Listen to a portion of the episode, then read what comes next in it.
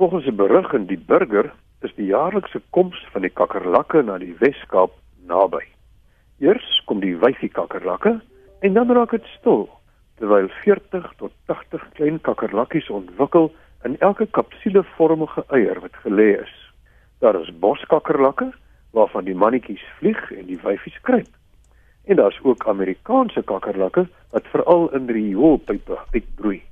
Afrikaans het die woord kakkerlak uit Nederlands gekry wat dit gevorm het uit die Portugese woord kakalaka.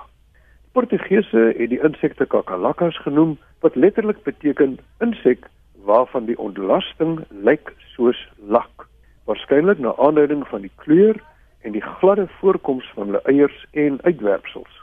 Mense hoor ook dikwels dat iemand praat van 'n kokkerot. Die woord kokkerot is 'n sinoniem vir kakkerlak en is bloot 'n omvorming van die Engels cockroach wat in 1624 vir die eerste keer opgeteken is in Engels.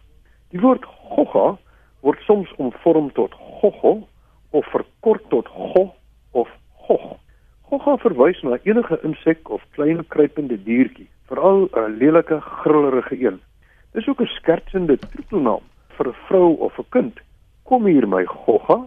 Afrikaans kry gogga uit koi gogon wat alle kruipende en wriemelende insekte beteken.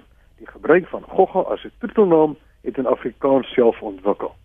Ons sê sis of sisa vir hierdie insekte wat 'n uitroep van walging en afkeuring is.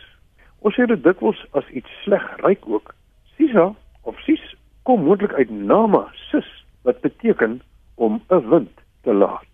In plaas van sis het ek dikwels as iets sleg ryk my ouers hoor uitroep gang of gang foei of jy nou sis of sisa of gang verkies.